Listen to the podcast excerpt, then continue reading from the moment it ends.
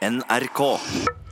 Første episode av eh, dramaserien Exit har på under én uke blitt sett av nesten 700 000 nordmenn. Den er jo basert på historier fra fire finansmenn, og beskriver en livsstil eh, med mye, mye dop, eh, festing og kjøp av prostituerte. Det er nesten forbausende at de får tid til å, å jobbe oppi det hele. Mannen bak TV-serien Øystein Carlsen har fått flere henvendelser fra folk i finansmiljøet med flere og sier han drøyere historier fra bransjen, og sier at det kan komme flere sesonger. Både jeg og skuespillerne og produksjonsselskapet og stort sett alle de vet har noe med dette å gjøre, har fått eh, et par sånne du, Nå skal du høre. Hvis du syns det var drøyt, da skal du høre her. Så det vil ikke være særlig problem å fylle en sesong to eller tre, for å si det sånn. Serieskaper Øystein Carlsen har fått mange henvendelser etter at serien Exit ble sluppet fredag forrige uke. Jeg opplever å bli tilbedt og for meg er det helt absurd. Helt absurd. Jeg ser på meg sjæl som en grisegutt. Dramaserien er basert på historiene til fire finansmenn og beskriver en livsstil med mye dop, festing og prostituerte. Serien Exit har jo blitt en, eh, det har jo blitt en snakkis i finansmiljøet. Det sier analytiker i Nordea, Tina Saltvedt, som i nesten 20 år har vært i finansbransjen. Når man er inne i det miljøet selv, så blir man jo først kanskje litt nysgjerrig på hvem disse personene egentlig er. og litt er, blir det jo mye diskusjon rundt om dette kan være riktig. Og så kommer det mange historier da, som fra litt tilbake i tid. og Noe man kan gjenkjenne seg i, og noe man ikke gjenkjenner seg i og hun er ikke overrasket over at Carlsen har fått historier til flere sesonger. Det kommer jo gjerne frem flere historier når, eh, når, denne type serier eh, kommer opp. Det er klart at det er jo sjokkerende, eh, de historiene som har blitt fremstilt i Exit. Og skal det sies at det er bare en liten del da, som, som dette gjelder, men, men, det kommer jo frem historier når, når dette blir dratt opp. Første episode er sett av 700 000 nordmenn, og Carlsen vil ikke utelukke at det kommer flere sesonger. Hvis historien er bra nok, så har jeg vel det. Jeg har ikke lyst til å lage en ny sesong for å på en måte bare melke merkevaren, men, men sånn som det ser ut til at tilfanget av historier er, så er det absolutt nok til å lage noe som er like bra en gang til. Dramasjef i NRK Ivar Køhn sier de undersøker muligheter, og at det er mye som må klaffe, både praktisk og økonomisk, før de kan gå videre mot en sesong to. Og produsenten av serien, Petter Testmann Kokk, mener de har mer enn nok til en ny sesong. Nå som serien har kommet ut, så har vi fått flere henvendelser fra mange som er enten i eller tilknyttet finansmiljøet, som sier at de har lyst til å fortelle eh, sine historier, for at de har masse, masse tilsvarende og verre. Sånn at eh, vi mener jo at er, vi har mat nok til både én og to sesonger til, hvis NRK skulle ønske det. Glad, glad, glad. glad, glad, glad. Ja. La oss ha det gøy. Vi er søte og rare, gutter. Søte og rare.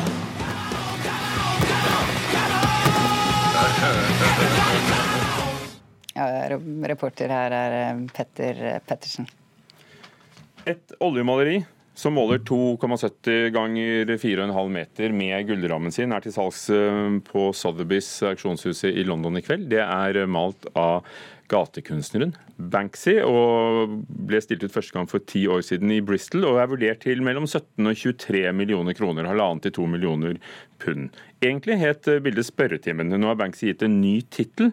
Eh, bildet viser den kjente britiske parlamentssalen med de grønne skinnsetene, alt det brune treverket og alle politikerne som sjimpanser.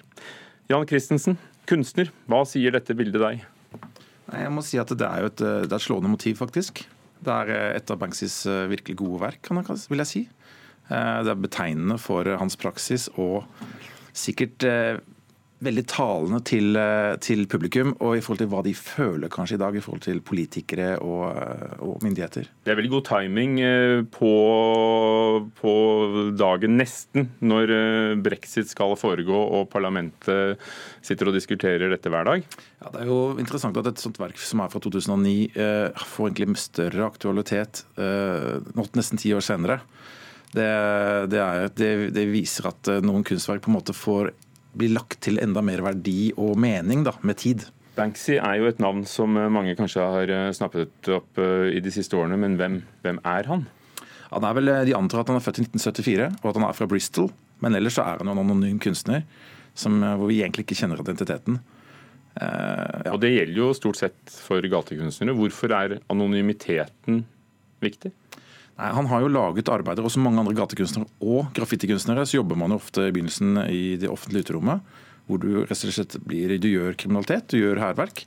Eller blir sett på som hærverk av veldig mange. Jeg vurderer jo selv graffiti og delvis street art eh, som interessant, et interessant uttrykk. Men eh, Banksy kommer fra denne bakgrunnen her, og da er det opplagt at han på en måte har gjort ting som blir sett på som hærverk eller ødeleggelse, og kan ikke være på en måte kjent. da. Og fra Norge så kjenner vi jo da gatekunstneren Dolk i Bergen, som malte et portrett av Sylvi Listhaug på et hushjørne, som kom og, og, ble borte. Men da spør jeg deg som kunstner, Jan Christensen. Er det kunst? Er gatekunst kunst? Det er et komplisert spørsmål. Eh, det er mange faktorer som gjør ting til kunst. Eh, jeg vurderer sånn at street art og graffiti er to forskjellige typer uttrykksformer, eller felt. Og kunst er nok et felt. Og kunst, eh, Det som kjennetegner kunsten, er gjerne en mer akademisk og kunsthistorisk sammen, eh, sammenheng. Hvor man også forbinder dette med en mye større type kunstuttrykk enn street art i seg selv er. Da. Men eh, Banksy han har meget gode prosjekter, og mange av disse prosjektene hans er er på mange måter så talende at det fungerer som kunstverk. De er også egentlig nesten mer reklamespråk enn kunstneriske uttrykk. Er det noe av det som gjør at det har en appell? For det har det jo. Når, når det, altså det, er jo hundrevis av verk av ham som er solgt på auksjonshus de siste årene. Ja, jeg tror at uh, han er veldig god med nettopp den type one-linere som uh, reklamebransjen kjenner veldig godt igjen. Da. Men dette er jo et oljemaleri. Det har vært stilt ut på museet i Bristol. Det selges på Sotheby's. Ja. Hva mer vil du ha? Nei, det, det, er helt klart at Sotheby's som en institusjon har, tar en del i denne her eh, skapelsen og definisjonen av dette som kunst. Fordi eh, også når, La oss gå tilbake og se på det arbeidet som ble ødelagt på auksjon for eh, noen måneder siden. Ja, det var, var Akkurat et år siden så var det da et bilde som destruerte seg selv. Rett etter at det var klubbet på auksjonshuset, så var det innebygd eh, makuleringsmaskin bak og så bare gikk det ut. Jeg tror selvfølgelig at Sotheby's var innforstått med dette. Jeg tror ikke de sier det ikke var det. Men... Ja da, men, men, de er også med på å reaktualisere dette nye maleriet. ikke sant? De har solgt over 60 verk av han på et års tid. Ehm, det er klart at Sotheby's ser potensialet i å bygge opp denne kunstneren. Men hvem kjøper? Hvem sitter i salen der i kveld når både dette store oljemaleriet fra parlamentet og andre Banks-verk skal under hammeren?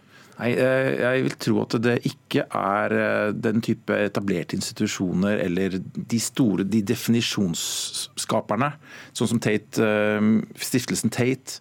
De kjøper jo ikke Banksy, men det er mer private samlere som fremdeles Banksy er jo en billig kunstner i den store sammenhengen.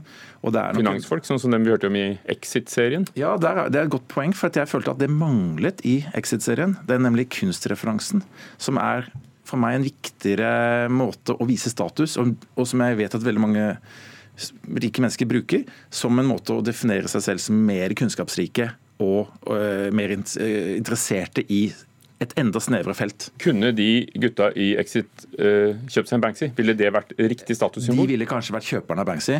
Kanskje det kommer i neste, neste sesong. Jan Christensen, du er kunstner, du er med på Oslo arkitekturtriennale som pågår nå, med, med, med, to verk. Du har malt vegger. Um, Eh, og, og, og, du er glad i å diskutere kunst. Det skal være en episode av Folkeopplysningen i NRK som skal handle om, om, deg og din kunst. Er det det som er litt forskjellen på å, å være en aktiv kunstner, eller Eh, bare ha, kalle seg Dolk eller Banksy og ikke jeg, si noe? Jeg føler at det å ta en del av debatten, det er en del av det å være kunstner. Og jeg må si at det er det jeg savner ved Banksys kunst. Det er det at han er anonym. At han ikke står for det han eh, kan svare på det han lager. Han, og det at det er andre kunstnere, som meg selv, som sitter og snakker om Banksy, gjør hans kunst til kunst. Fordi det er vi som diskuterer det, og det er vi som tillegger det eh, verdi. da. Eh, så Sånn sett så savner jeg han i debatten. Jeg mener også at mange av uttrykkene hans er jo også safe demokratiske, opplagte sannheter. Da. Sånn at det er ikke så truende, egentlig. Vi får se. I kveld går altså det store bildet hans eh, fra parlamentet under hammeren på Sotheby's i London. Takk skal du ha, Jan Christensen. Vi har hørt om denne filmen lenge, syns jeg nå. Men Disco. denne uken så har Disko norgespremiere på kino. Det er Josefine Fridas filmdebut, og hun eh, viser at hun kan være mer enn Nora i Skam. Nå spiller hun en ung diskodanser som prøver å finne svar på sine problemer i en eh, kristenfri menighet. NRKs filmkritiker Birger Vestmo mener dette om filmen. And the winner is Miriam Hane! Det er fantastisk at du er her, så vi kan samles sånn i Den hellige ånd. Jeg blir så glad. Det er VM snart og sånn. Ja. Ei ung jentes søk etter identitet og tilhørighet både berører og provosere i regissør og manusforfatter Jorunn Myklebust Syversens overbevisende andre film. Disko berører fordi Josefine Frida spiller nakent og ærlig i hovedrollen, og provoserer på grunn av manipulasjon hun blir utsatt for, i et miljø prega av overfladisk og gjennomskuelig skinnhellighet.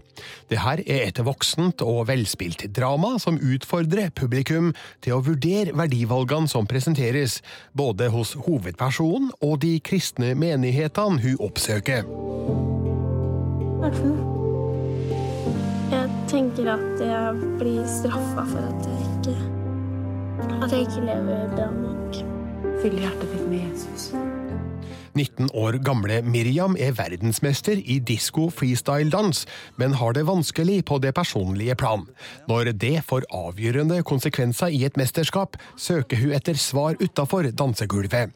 Hun sliter med å finne det hun leter etter i den kristne frimenigheten, drevet av mora Vanja, spilt av Kjersti Odden Skjeldal, og stefaren Per, spilt av Nicolai Kleve Broch. Hun lokkes etter hvert til den strengere og mer konservative menigheten til pastor Samuel, spilt av Espen Karen Klaumann Høyner, og Birgitta, spilt av Andrea Brein Hovig. Jeg har så veldig lyst til at du skal være med meg på gudstjeneste i kirken min. Det holder ikke bare tro, Miriam. Du må leve det òg. Veldig velkommen, altså. Josefine Frida bærer filmen imponerende godt, med stor utstråling og høy autoritet i hovedrollen. Akkurat som hovedperson i Jorunn Myklebust Syversens sterke debutfilm 'Hoggeren' har Miriam kjørt seg fast i livet og leter etter et holdepunkt. Fotograf Marius Matsov Gulbrandsens bleike, men elegante bilder går ofte nært inntil Miriams ansikt, der store, spørrende øyne lyser av usikkerhet og sårbarhet. Filmens skildring av hovedfigurens maskefall står i skarp kontrast til den glitrende fasaden hun fronter, både som diskodanser og stjerne i menigheten. Jeg lurer på om djevelsverket er i gang med å få deg ut av fokuset fra Jesus. Du må jo få drevet ut han igjen. Disko etterlater sitt publikum med flere interessante spørsmål som kan tolkes ulikt. Det er en bittersøt avslutning på et solid drama med mange kvaliteter, der spesielt Josefine Fridas sterke rolletolkning og Jorunn Myklebust Syversens sikre manus og regi utmerker seg.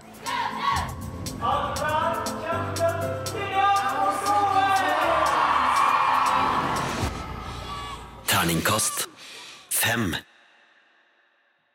Ja, Disko ble anmeldt av Birger Vestmo.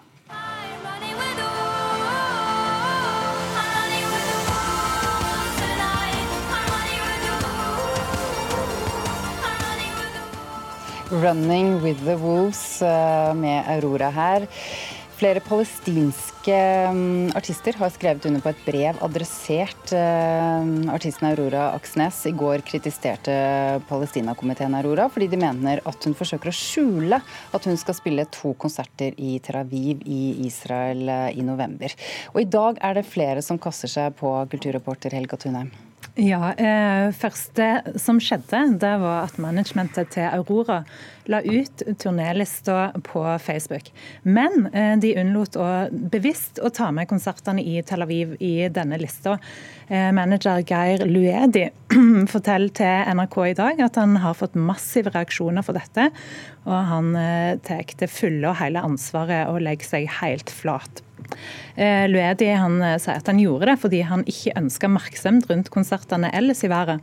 Men han sier nå at det var helt feil håndtering av saka, og at eh, de ikke kommer til å gjøre det samme igjen. Og ikke nok med det. Nå har det altså kommet et brev til Aurora signert flere palestinske artister. De skriver at de beklager at den norske artisten skal opptre i Tel Aviv. De mener at uansett hva hennes intensjoner er, så vil det å spille i Tel Aviv bli sett på som at hun slutter opp om hvitvaskinga av Israels okkupasjon og brudd på menneskerettene til palestinerne. Så hva svarer eh, Aurora på dette brevet? Ja, eh, når jeg snakka med Aurora Aksnes sin manager Geir Luedi nå nettopp, så sa han at Aurora ikke har sett dette brevet ennå, men at hun står inne for uttalelsene om hvorfor hun spiller. Hennes budskap skal fram til israelerne. Og hun sa til Klassekampen i går at hun ikke vil la noens politikk stoppe henne fra å dra til mennesker og røre dem med sin musikk. Takk, eh, kulturreporter Helga Tune. Når Jan Kjærstad kommer med ny roman, så er det store forventninger i blant norske lesere. Og det holder kanskje å si titler som 'Homofalsus', 'Forføreren', 'Erobreren' og 'Oppdageren', de siste som er Wergeland-trilogien, som alle kom på da 80- og 90-tallet. Og sist så skrev han romanen 'Berge', som fikk eh, mye ros eh, opp mot 22. juli-hendelsene. Og så har han fått Nordisk råds litteraturpris for den Wergeland-trilogien.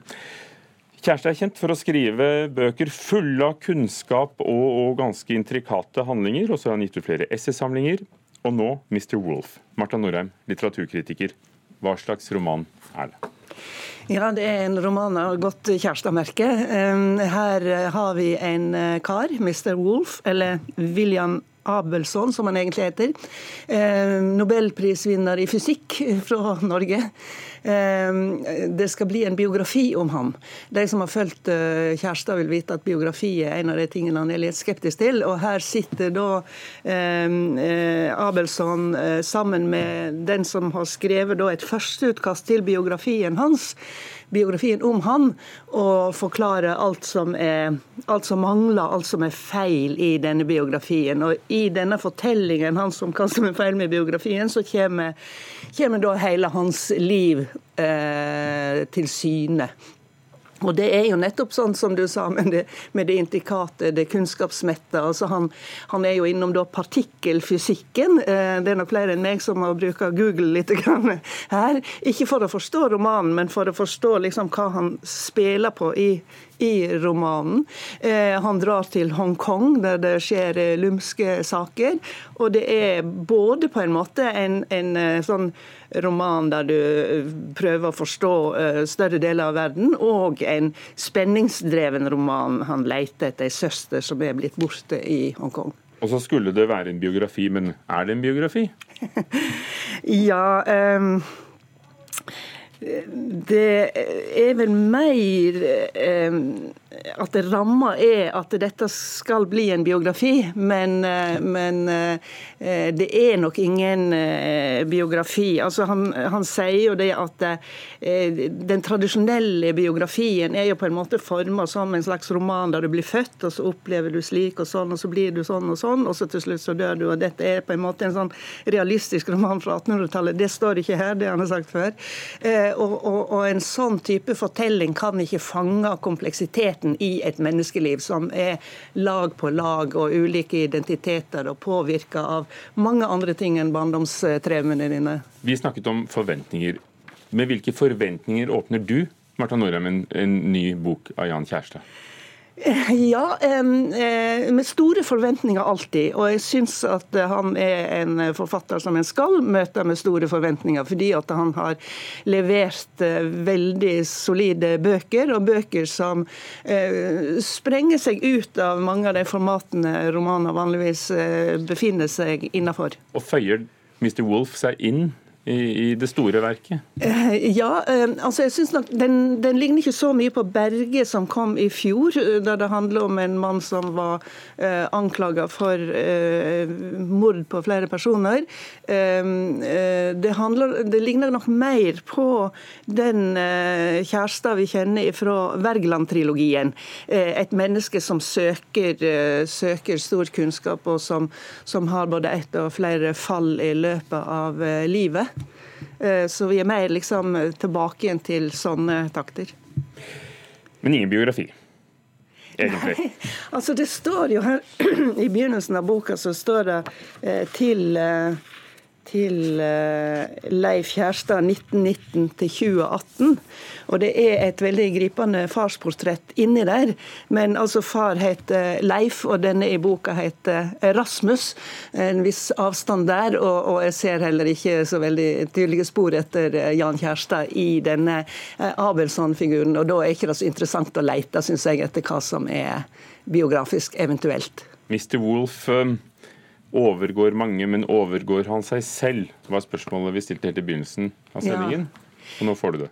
Han overgår mange, men han over Unnskyld, men han overgår nok ikke seg sjøl. Han har skrevet bedre bøker enn dette, men, eh, men, det er vel verdt å lese denne også. Det er en opplagt og ganske avslappa Kjærstad som, eh, som skriver her, og det er moro å bli med på ferden, men han sprenger ikke nye dører.